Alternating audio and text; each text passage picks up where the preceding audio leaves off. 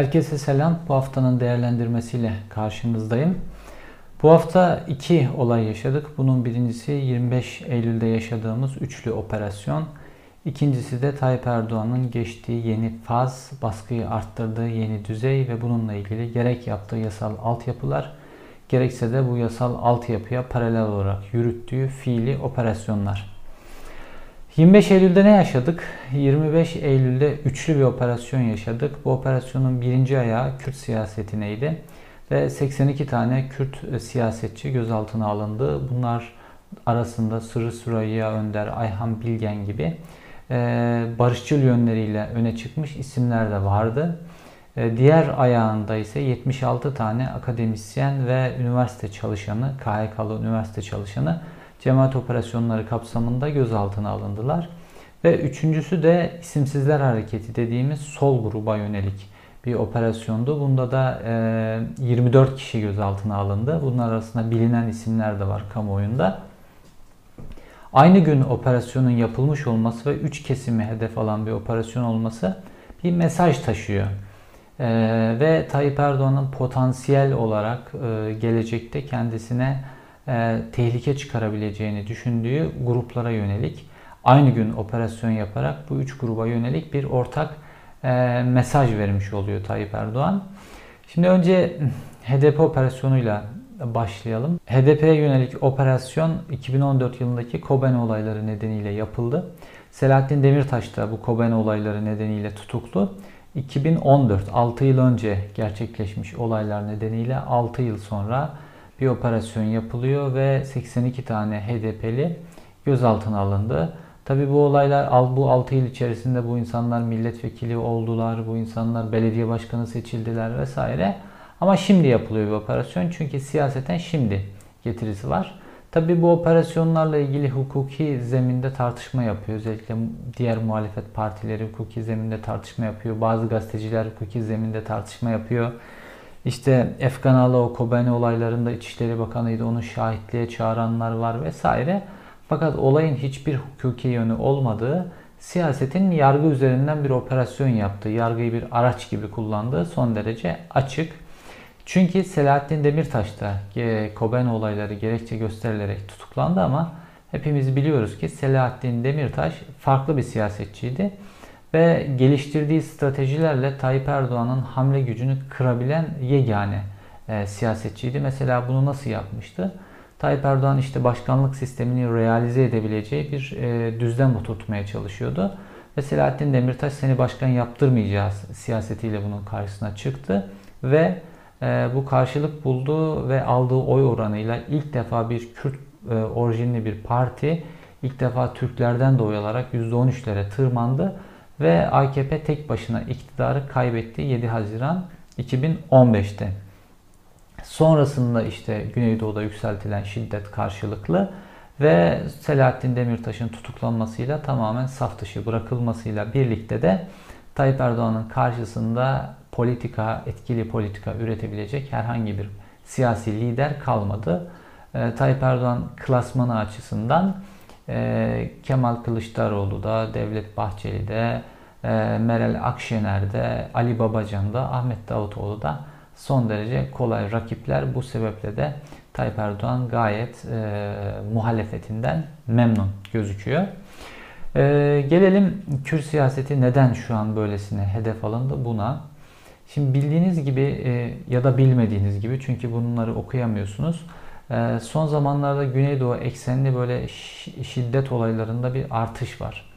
Mesela iki tane e, köylü Van'da gözaltına alındılar. E, tarlada çalışırken birisi köyün içerisinde bir tarlada çalışırken gözaltına alındılar ve bu köylüler helikopterden atıldılar askerler tarafından. Böyle bir iddia var. Fakat bunu kimse e, muhtemelen pek çoğunuz dinlememiştir, okumamıştır bu olayı. Çünkü Türk medyasında çok cılız biçimde yer aldı. Olaya bir gelelim. Şöyle helikopterden atılma mı var yok mu var ya da bu çok mu önemli? Şimdi bu iki kişi onlarca şahidin önünde, köylülerin önünde helikoptere bindirilerek götürülüyor. Ee, ve e, yakınları iki gün haber alamıyor kendilerinden. İki gün sonra ikisinin de e, Van'da a, e, hastanede yoğun bakımda olduğuna ilişkin bir haber geliyor. Ve aileler oraya gidiyorlar. Aileler gittiğinde hastane kayıtlarından öğreniyorlar ki bu iki kişi gözaltına alındıktan birkaç saat sonra ağır yaralı biçimde hastaneye getirmişler. Şimdi herkesin gözü önünde sapasağlam gözaltına alınan iki kişi birkaç saat sonra askerler tarafından hastaneye getiriliyor ve vücudundaki vücutlarındaki pek çok kemik, kaburga kemikleri, omuz kemikleri, ayak, kol vesaire kırık vaziyette yüzleri gözleri mosmor şekilde hastaneye getiriliyorlar birkaç saat sonra ve yoğun bakıma yatırılıyorlar. Bunlardan bir tanesi halen daha yoğun bakımda e, uyutuluyor ve hayati tehlikesi devam ediyor. Diğeri de yoğun bakımda kaldıktan sonra taburcu edildi. Fakat diğerinin de şu an hafıza kaybı var. Anlamsız cümleler kuruyor. Ne olduğunu hatırlamıyor. Ciddi bir travma yaşıyor. Peki bu iki kişiye ne olmuş olabilir? İki, birkaç saat içerisinde sağ salim gözaltına alınmış, tarlada çalışırken vesaire gözaltına alınmış bu kişilere e, bu kişiler çok aniden ve çok ağır işkence yapılmış olabilir ve bu nedenle e, hastaneye sevk edilmiş olabilirler. Ya da e, helikopterden atıldığına ilişkin gerek görgü tanıkları gerekse de hastane raporunda olduğu biçimde bu kişiler helikopterden atılmış olabilirler. Peki bu helikopterden atılma olayı nereden çıktı diyeceksiniz. E, bu kişiler böyle acil biçimde birkaç saat sonra önce bir özel hastaneye götürülüyorlar. Ve özel hastanenin düzenlediği raporda helikopterden düşme diye bir ibare var ve bu rapora girdiği için avukatların da eline geçtiği için üzeri kapatılamıyor. Ve e, daha sonra işte avukatların e, yaptığı incelemede görüyoruz ki e, bu kişilerle ilgili helikopterden düşme anlatımı o kişileri ambulansla hastaneye getiren sağlık personeline ait. Peki sağlık personeliyle konuşulduğu zaman bu, bu bilgiyi nereden verdiklerine ilişkin?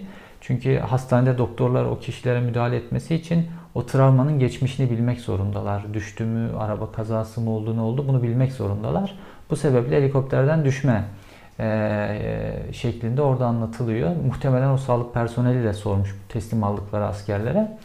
Fakat askerler, oradaki askerler muhtemelen sağlık personellerine verdikleri bu bilginin daha sonra o ambulans personelinden hastane personeline oradan da rapora geçirileceğini bilmiyorlar. Fakat bu oldu. Bu olduktan sonra ne oldu? Osman Şiban bu köylülerden bir tanesi.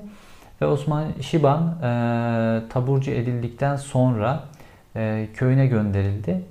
Köyüne gönderildikten sonra olay böyle bir biçimde medyanın çok az bir kısmına düşünce ve bizim, benim gibi yurt dışındaki gazeteciler bu konuyu işlemeye başlayınca e, olay büyümeye başladı ve e, birkaç milletvekili tarafından konu meclis gündemine de soru önergeleri yoluyla taşındı. Ve ne oldu? Apar topar e, askeri araçlarla e, özel harekat eşliğinde Osman Şiban ailesinden tekrar alındı. E, ambulansa kondu ve e, askeri hastaneye götürüldü bu sefer. Muhtemelen askeri hastanede yeni bir rapor düzenlenecekti bu travmanın geçmişiyle ilgili. Fakat Osman Şiban konuşacak halde, ifade verecek halde değil. Anlamsız cümleler kuruyor. İşte bazen bizi attılar dediği duyuluyor. Bazen çok şükür gibi cümleler kuruyor vesaire. Bu sebeple askeri hastanede de ifade veremeyecek durumda şeklinde e, rapora geçirilip gönderildi evine. Ve sonra yakınları onu alıp Mersin'deki esas evine götürdüler. Çünkü Osman Şiban köye işte tarlada e, ot biçmek ve biraz para kazanmak için dönmüştü Mersin'deki evinden ve başına bunlar geldi. Şimdi bu olayın bir tarafı. Olayın diğer tarafında da bir e, öncesi haftasında Sakarya'da bir olay yaşandı biliyorsunuz. Sakarya'da e, tarım işçileri var, fındık işçileri ve 16 kişilik bir fındık işçisi grubu da Sakarya'nın bir köyüne giderek e, fındık toplamaya başlıyor. Fındıkları topluyorlar. İşte bir süre çalışıyorlar bahçede. Fakat bahçe sahibi bir gün yanına da bir grubu alarak geldi. Ve e, küfürler eşliğinde saldırıp bu grubu dövdü ve bununla ilgili görüntüler yansıdı sosyal medyaya. Çünkü saldırıya uğrayan gruptakilerden bir kısmı canlarını kurtarmak için kaldıkları o böyle kapısız derme çatma bir e, boş ev var. Onun çatısına çıkmışlardı ve çatıdakiler kamerayla çektiler. O kamera görüntülerinde işte e, kadınların da saldırıya uğradığı bir an vardı ki izleyenlerin hepsinde bir infiale neden oldu. E, sonra bu işçiler işte tası tarağı toplayıp mecburen memleketlerine döndüler. Çalıştıkları günlerin parasını da alamadılar. Benzer olay ben Yunanistan'da da bir sürede bir süre yaşadım. Benzer olay Yunanistan'ın geçmişinde de çok anlatılıyor. Yunanistan'a da Arnavutluk'taki siyasi durum nedeniyle bir anda birkaç milyon e, mülteci gelmiş. E, ve o mülteciler de benzer sıkıntılar yaşamışlar. İşte zeytin bahçelerinde mesela çok anlatılır Arnavut mülteciler arasında. İşte zeytin bahçelerinde çalışıyorlarmış kaçak olarak. E, hiçbir kayıt olmadan ve böyle hani 3 aylık bir periyot. O periyodun sonunda e, bir gün zeytin bahçesinin sahibi e, polisi arıyor ve burada kaçak Arnavut göçmenler var diye ihbar ediyor. Ve e, polis geliyor. Arnavut göçmenler işte kaldıkları ahır gibi yerden, o köylünün tahsis ettiği ahır gibi yerden otobüslere doldurup götürüyor. Ve e, bahçe sahibi bütün işlerini yaptırmış. Karşılığında da 5 kuruş para ödememiş olarak e, rantı cebine koyuyor ve bu insanların hakkını ihlal ediyor. Şimdi buna benzer bir şey de bu insanlar işte Kürtler vesaire diye saldırıya uğradılar. Fakat Türkiye'deki bu tip saldırıların hepsinin temelinde böyle bir rant ve yağmacılık vardır. O köylüler de işte çalıştırıldılar orada. Ondan sonra Kürt, Kürt oldukları için saldırıya uğradılar. Ve sonrasında da e, kadın çoluk çocuk dayak yiyerek e, memleketlerine dönmek zorunda kaldılar. Şimdi helikopterden atma, sokak ortasında böyle kadın çoluk çocuk saldırıya uğrama vesaire. Kürtlerle ilgili son zamanlarda şiddet bu şekilde yükseliyor ve bunun da bir bedeli yok. Kürtlere bu şekilde saldırmanın, Kürtlere bu şekilde müdahale etmenin o kişiler mesela köylüler hakkında bir ihbar olabilir, savcılığın elinde bir bilgi olabilir. Bu nedenle gözaltına alınabilirler. Fakat bu insanların gözaltına alındıktan birkaç saat sonra böyle ağır yaralı biçimde e, yoğun bakıma götürülmeleri bir işkence olduğunu çok net kanıtı. E, gerek valilik e, açıklama yaptı işte o da bir kişiyle ilgili kaçarken kayalıklardan düştü. İkinci kişiyle ilgili valilik bu açıklama yapamıyor çünkü köyün içinden alı, alınmış bu kişi. İkincisi tarlada çalışıyor. Kaçarken kayalıklardan düştü deniyor. Düştükten sonra da mukavemet etmiş sözde. Fakat tarlada gözaltına alındığına ilişkin de şahitler var.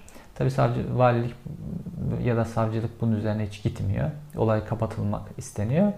Fakat şu var ki Kürtlere yönelik şiddet e, eğiliminin önü açılmış durumda Türkiye'de. Gerek işte o helikopterden atma olayında olduğu gibi devletin resmi görevleri, askeri ve polisin önü açılmış durumda. Gerekse de işte sivil halk ne yaparsa hesabı sorulmuyor. Bu şekilde önü açılmış durumda. Bu neden? Şimdi Tayyip Erdoğan yeni bir e, faza geçiyor ve e, açıklanan bütün anketlerde, iktidara yakın anketlerde de Tayyip Erdoğan'ın e, iktidar ortağı MHP ile birlikte dahi olsa %51 noktasına yaklaşamadığını gösteriyor. Ve bozulan bir ekonomi var. Bozulan ekonomi ile birlikte de bu %51 noktasına hiçbir zaman ulaşamayacağı gözüküyor. Fakat Tayyip Erdoğan burada iki şey yapmak durumunda. Yani böyle hep söyleniyor işte ekonomi vesaire pandemi gündemi var. Gündemi değiştirmek için bunları yapıyor ama değil. Daha e, uzun bir hesabı var Tayyip Erdoğan'ın. Bu ne? Birincisi seçim ittifakları var. Biliyorsunuz e, özellikle Ankara ve İstanbul'da, özellikle de İstanbul'da Ekrem İmamoğlu'nun e, seçimi kazanmasında HDP'nin stratejisi çok önemliydi. HDP, CHP ve İyi Parti'nin kendilerine yönelik bütün söylemlerine rağmen e, stratejik bir hamle yaptı ve Ekrem İmamoğlu'nu destekledi ve Ekrem İmamoğlu'nun seçilmesinde HDP'nin İstanbul'daki oyu son derece kritikti. Bu, bu, bu şekilde seçildi Ekrem İmamoğlu. Şimdi HDP stratejik davranıyor ve HDP için Selahattin Demirtaş'ın o seni başkan yaptırmayacağız sözü gibi Türkiye'nin demokrasiye dönebilmesi için önce Tayyip Erdoğan ve iktidarından kurtulmak öncelikli. Dolayısıyla da İyi Parti ya da CHP'nin bu söylemlerini sineye çekiyor. Tayyip Erdoğan önümüzdeki Cumhurbaşkanlığı seçiminde de Ekrem İmamoğlu e, formülünü HDP'nin uygulayabileceğini, dolayısıyla kendisinin işle, işlerin kendisi için çok daha zorlaşacağını biliyor. Ve e, bir taraftan da e, HDP hakkında dört kere üst üste yapılmış kapatma başvurusu var. Ve Tayyip Erdoğan Haziran ayında Yargıtay Cumhuriyet Başsavcısını değiştirdi. Yargıtay Cumhuriyet Başsavcılığı seçimi oldu. Ee, Tayyip Erdoğan birinci seçileni değil, ikinci en çok oy alanı değil, üçüncü en çok oy alanı değil, dördüncü en çok oy alanı aldı. Ve tıpkı işte 82 HDP'liyi gözaltına alan e, gelinlik e, e, ve damatlıkla Tayyip Erdoğan'ın sarayında ziyaret eden Ankara Başsavcısına istediği hamle istediği an yaptırabildiği gibi benzer bir kişiyi Yargıtay Cumhuriyet Başsavcısı yaptı. HDP hakkındaki 4 kapatma başsavcı başvurusu bir önceki Yargıtay Cumhuriyet Başsavcısı döneminde yapılmıştı. Fakat o onları hiçbir zaman bir iddianame e, noktasına ve de bir kapatma davası açma noktasına getirmedi. E, fakat dört tane isminde Kürdistan ifadesi taşıyan partiyle ilgili kapatma davası açılmıştı. Fakat HDP ile ilgili öyle bir noktaya getirmedi önceki Yargıtay Cumhuriyet Başsavcısı. Fakat şu anki başsavcı Tayyip Erdoğan ne derse e, ve ne zaman derse onu yapacak bir başsavcı ve kapatma davaları da Yargıtay Cumhuriyet Başsavcısı tarafından açılıyor. Şimdi bunun bir zemini oluşturuluyor bir taraftan da. İşte 82 kişinin Kürt siyasetçinin tutuklanması ve bunun Kobani olaylarıyla bağdaştırılması ve Selahattin Demirtaş'ın da bu sebeple içeride olması kapatma davası için gerekçeli bir karar e, şekline getirilebilir. Buradan bir e, karar çıkarsa, bir mahkumiyet kararı da çıkarsa daha kolay hale getirilebilir. Bu Tayyip Erdoğan'ın da bir koz olacak seçimlere doğru. Pek çok e, hamleyi aynı anda Tayyip Erdoğan kurgular. Hangisi e, e, işe yarayacaksa onu seçer ama hepsini de aynı anda birlikte hazırlar, pişirir. Hangisini kullanacağını son anda karar verir. Bu bir kısmı. İkincisi e, eğer HDP kapatılırsa e, ya da işte HDP bu Kürt siyasetçilerle oyla politika üretemez, etkinliğini tamamen kaybeder hale gelirse ki Selahattin Demirtaş'tan sonra HDP'de politika üretme kısırlığı çok bariz biçimde gözüküyor. Ee, Kürt seçmeni sandıktan e, küstürme stratejisi de olayın bir tarafı. Çünkü çok motive olmuşlardı İstanbul seçimlerinde Kürt seçmen ve sandığa gittiler ve Ekrem İmamoğlu'nu seçtirdiler. HDP'li seçmen daha doğrusu diyeyim. Fakat e, HDP'ye bunca yapılandan sonra e, yani siyasetle olmuyor. E, duygusu, e, hani bir ara vardı ya işte daha çıkana kadar düz ovada siyaset yapın diye. Düz ovada siyaset yapmak için pek çok şey yaptık. Fakat bununla da olmuyor duygusunun oturması ve sandıktan küsmeleri.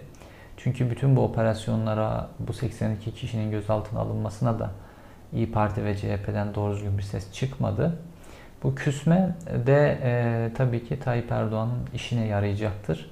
Çünkü e, kendisi %51 noktasına çıkamasa da karşıdakini eritme, kendi e, sayısal olarak, seçmen sayısı olarak kendisini yeniden %51'in üzerine taşıyabilir. Fakat Tayyip Erdoğan'ın hazırladığı üçüncü bir hamle daha var. Bu da e, en kötü ihtimale hazırlık. Bu en kötü ihtimaline Tayyip Erdoğan'ın e, sandıkta oyun çevirerek dahi e, kotaramayacağı bir nokta olursa. Çünkü böyle milyonlarca oyu çevirmek öyle kolay bir şey değil sandık oyunlarıyla. O zaman iktidarda kalmak için ne yapacak Tayyip Erdoğan? Bu için baskı e, sistemi kurmak zorunda. Çünkü ekonomide işler hiç iyi değil. E, pek çok rakamla oynuyor e, Maliye Bakanı, Hazine Bakanı Berat Albayrak ama Geçtiğimiz günlerde Amerikan Büyükelçisi bir webinara katılmıştı. Ee, ve burada bir açıklama yaptı.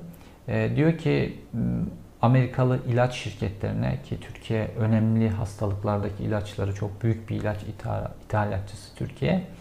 Ee, ve e, Amerikan ilaç firmaları da Türkiye'ye pek çok ilaç e, ihraç ediyorlar.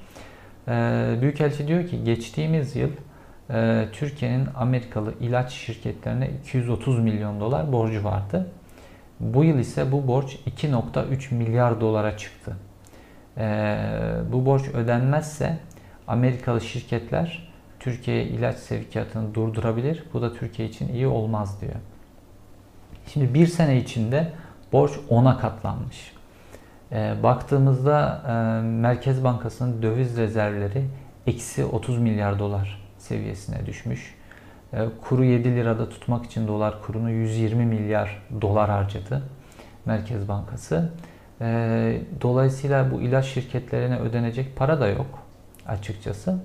Diğer yandan bir de yerli ilaç üreticileri, işte protez, e, sağlık protezleri üreticileri var. Onların e, temsilcisi de geçtiğimiz günlerde medyaya bir açıklama yaptı. Ve 3 senedir ödemelerde e, zorluk e, yaşadıklarını fakat artık e, son yıl bu borçların çok yüksek seviyelere çıktığını, 20 e, milyon TL'lerin üzerine 20 milyar TL'lerin üzerine çıktığını bu neyi gösteriyor? Dolar yok. Yani dolar olmayınca ne içeriye ne dışarıya bir para ödenemiyor. Ekonomi çok zor durumda. Ve bunu bu tabii ki seçmen davranışlarını etkileyecektir ve çok etkilediğinde, milyonlarca oy etkilediğinde Tayyip Erdoğan'ın baskı rejimini tamamen oturtmuş ve iktidarın seçimle değişemeyeceği bir e, düzeni kurmuş olması gerekiyor. Bunun yasal düzenlemelerini yapıyor Tayyip Erdoğan. Bunlar neler? E, mesela sosyal medya e, işte insanların bu tip kriz durumlarında haberleşmek için Türkiye'de en çok kullandıkları mecra. Sosyal mecrayı tamam medyayı tamamen kapatabilecek yasal düzenlemeyi geçtiğimiz ay çıkarmıştı. Neydi bu? Ee, sosyal medya mecralarını e, istendiğinde band genişliğini %90 oranında kapatabilme yetkisini aldı iktidar. E, bu ne demek? E, %90 oranında Twitter'ın, Facebook'un band genişliğini kısıtladığınızda yüklenmeden dolayı zaten hiç kimsenin girememesi demek. Fiilen kapatma demek aslında. Kapatma kelimesini kullanmamak için %90 kısıtlama diyor. Onun dışında işte sosyal medyada yayın yapan kişilerin tehdit altında olmaları için, kendilerini tehdit altında hissetmeleri için işte sosyal bütün sosyal medya mecralarından sunucularını Türkiye'de barındırma zorunluluğu getirildi bu yasayla. E ne olacak? İşte gidip o sunucuyu kopyaladığı zaman hangi Twitter kime ait vesaire e, hepsi bunların hepsini bulabileceği bir düzen. Dolayısıyla e, bir insanların haberleşme sistemini tamamen istediği an kesebileceği bir yasal altyapıyı kendine göre kurmuş oldu Tayyip Erdoğan. İkincisi bütün Türkiye'yi gözetleme, kontrol altında tutma sistemi. Bununla ilgili İçişleri Bakanı geçtiğimiz günlerde bir açıklama yaptı. Bütün Türkiye'deki kamera sistemlerinin hepsini saraya bağlayacağız diye bir açıklama yaptı. Ki zaten saray yapılırken biz ta o zaman haber yapmıştık Nokta Dergisi'nde. Sarayın içerisine bir gözetleme birimi, bir izleme birimi kuruluyor diye. Bunun altyapısı yapılmıştı. Sadece işte fiş bağlantılar yapılacaktı. Şimdi bu yapılıyor anlaşılan. Üçüncüsü de işte Tayyip Erdoğan'ın kurduğu İran'daki devrim muhafızlarının benzeri bir kuvvet. Bu kuvvet işte Emniyet Teşkilatı'nın içerisinde kuruldu. Hazır Takviye Birliği ve işte Ankara'da bu birliğin üyeleri vardı. Şimdi İstanbul'da da bu birlik kuruldu. İşte şu an oldukça güçlü bir etkin ve güçlü çünkü özel seçilen ve özel yetiştirilen polislerden oluşuyor. Bir birlik kuruldu. E, Ankara ve İstanbul'da. E, bu özel hazır kuvvet birimi e, de Tayyip Erdoğan'ın acil durumlarda kullanacağı bir birim. Tüm bunlar alt alta yazıldığında ve aniden işte Kürtlere, solculara ve cemaate üçüne birden aynı gün operasyon yapıldığını ve çok yüksek oranda tutuklamalar, gözaltılar yapıldığını düşündüğümüzde Tayyip Erdoğan kıyamet gününe de hazırlanıyor bir taraftan. İşte hmm, gençlik e, teşkilatları e, var e, AK Parti'nin. Bu gençlik teşkilatlarına çeşitli belediyelerin sponsorluğunda işte özel harekat kursu vesaire gibi kurslar veriliyor. Bunlar da bir taraftan hazırlanıyorlar.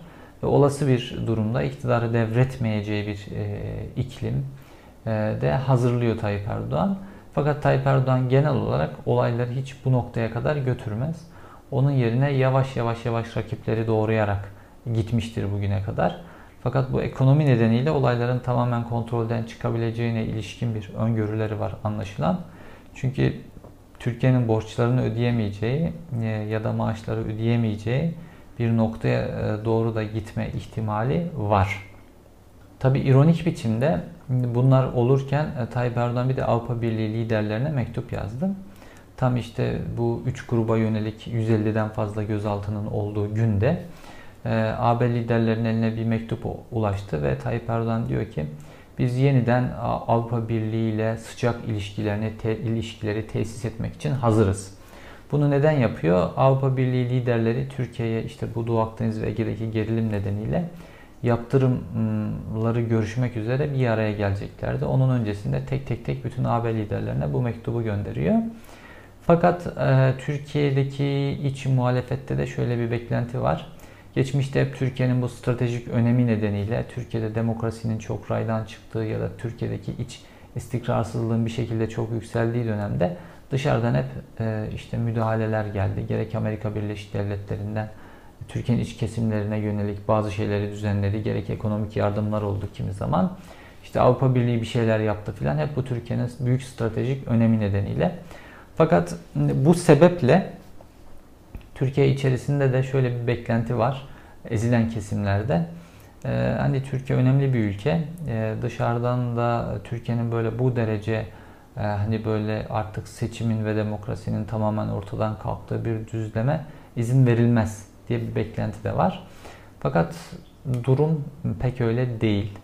Ee, Türkiye artık o eski hep anlattırdığımız, anlatılan derslerde, tarih derslerinde bile ortaokulda stratejik önemi e, pek de coğrafi önemi pek de e, kalmış değil. Çünkü teknoloji değişti.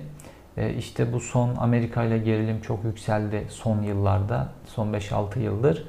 Ve e, daha sonra işte Akdeniz'deki gerilim, Suriye'deki gerilimler, Rahip Brunson olayı vesaire. Mesela Amerika Birleşik Devletleri Türkiye'yi o çok güvendiği stratejik ortak olma durumundan çıkardı. Eskiden bulunduğumuz topraklar özellikle Orta Doğu'ya müdahale etmek için çok önemliydi. İşte İncirlik Üssü vesaire başka NATO üsleri Türkiye'deki önemliydi. Fakat şimdi ne yaptı Amerika Birleşik Devletleri? Hemen Yunanistan'a e, bir üs kurdu. E, Dede Ağaç'a. Ondan sonra adalara e, çeşitli askeri birlikler gönderdiler ve Yunan ordusuna yönelik eğitimlere başladılar. Eskiden Amerikan ordusunun e, Türk ordusuna yönelik eğitim faaliyetleri çok önemliydi. E, özellikle teknolojik cihaz kullanımından başlayarak e, Rusya tehdidine karşı mesela Türk donanmasını çok güçlendirmişti. Türk donanmasına çeşitli eğitimler vermişti. Denizaltı e, eğitimleri özellikle. Tabii çok büyük ve güçlü bir ordu Amerikan ordusu. Onun hem e, tecrübesinden hem eğitim kabiliyetinden hem de silahlarından bütün dünya ülkeleri yararlanmak ister. Yani aklın yolu bir. E, şu an bu avantajı Yunanistan ele geçirmiş durumda. İşte Yunanistan'da bir Amerikan üssü var artık. Yunanistan e, özellikle helikopter pilotlarından başlayarak Amerikan ordusu eğitim vermeye başladı. Dolayısıyla da Yunanistan şu an Türkiye'ye karşı daha dirençli söylemler geliştiriyor. Bunun sebebi bu. Artık Amerika Birleşik Devletleri'nin bölgedeki stratejik ortağı Yunanistan oldu. Türkiye bu avantajı kaybetti. İkincisi gelişen teknolojiler nedeniyle artık bir toprak parçasında doğrudan bulunmak çok önemli değil. Yani artık e, hani böyle insansız hava araçlarını bırakın artık e, yapay zeka tarafından e, yönetilen insansız hava araçlarına geçmiş durumda Amerikan ordusu. E, kendisi karar veriyor. Bu kişi düşman, bu kişi terörist ve ateş açıyor. Maya karar veren yapay zekalı e, insansız hava araçları kullanıyor. Ee, işte mesafeleri çok hızlı kat eden, çok uzun süre havada kalabilen, e, işte uydu karıştırma sistemleri, teknoloji karıştırma sistemleri vesaire o kadar teknoloji değişti ki artık. Dolayısıyla bir toprak parçasının stratejik önemi Amerika Birleşik Devletleri açısından çok da mühim değil. Batı dünyası açısından da çok da mühim değil. Artı e, Orta Doğu'da da e, eski düzen yok. Orta Doğu'da da belli şeyleri oturttu kendisi açısından Amerika Birleşik Devletleri. Ee, ve Suudi Arabistan'ın da yeni e, prensle birlikte geldiği nokta düşündüğümüzde Türkiye bu stratejik önemini de kaybetmiş durumda. Ee, Avrupa Birliği açısından da Türkiye ile ilgili mesele tamamen e, hayal kırıklığıyla bitmiş durumda. E, üyelik müzakereleri ve e, Türkiye ile ilişkiler sadece mülteci şantajı üzerine şekillenmiş durumdaydı. Ki e, onunla ilgili de kendi çözümlerini oldu, oluşturdular. Yunanistan'ın gerek Mediç e, kıyısına oluşturdukları güçler gerekse de Ege'ye yerleştirdikleri güçlerle bu mülteci şantajını da aşmış durumdalar. Dolayısıyla e, Avrupa Birliği açısından da Türkiye gözden çıkarılabilecek bir ülke. Onlar açısından da böyle çok stratejik önemimiz yok artık. Dolayısıyla da e, Türkiye'nin içerisinde neler olduğuna ve neler olabileceğine, hani Tayyip Erdoğan ne yapsa da dünyadan yüksek bir tepki gelir diye baktığımızda e, son yıllarda Tayyip Erdoğan neler yaptı hiçbir tepki gelmiyor. Ve Tayyip Erdoğan artık neler yaparsa da dünyadan bir tepki beklemek çok gerçekçi değil. E, hani 82 tane siyasetçiyi bir günde gözaltına aldı vesaire. Çok cılız tepkiler geliyor. İşte APA klasik endişeliyiz hep endişeleniyorlar. Başka bir şey yaptıkları yok. Dolayısıyla bir e, iç muhalefet Türkiye'de yaşayan ve ezilen kesimler e, ve Türk halkının tamamı artık dışarıdan bir şey beklememeli. Artık e, bu stratejik önem nedeniyle pek çok şey, pek çok baskı zamanı, pek çok ekonomik kriz Türkiye bir şekilde teğet geçiyordu, yardımlar oluyordu Türkiye'ye. Fakat artık bunlar olmayacak. Artık Türkiye'de halk göbeğini kendi kesmek zorunda.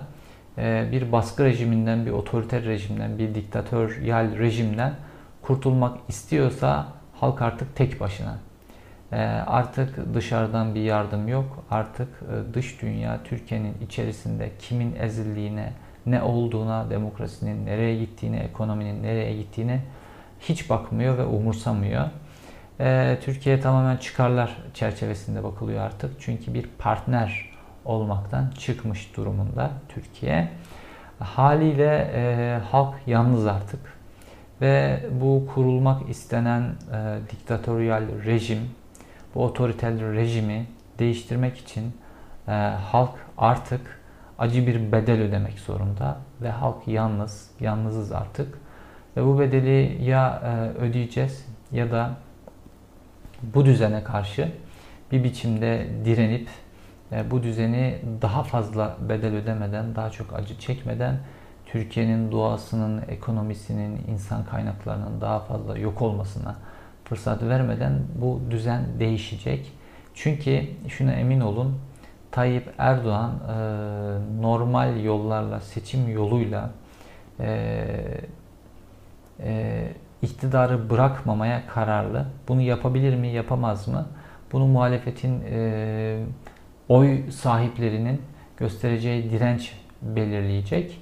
E, fakat e, bir bedel ödeneceği bununla ilgili e, açık ve bu bedelde, bu direnişte olacak ya da olmayacak bunu bilmiyorum.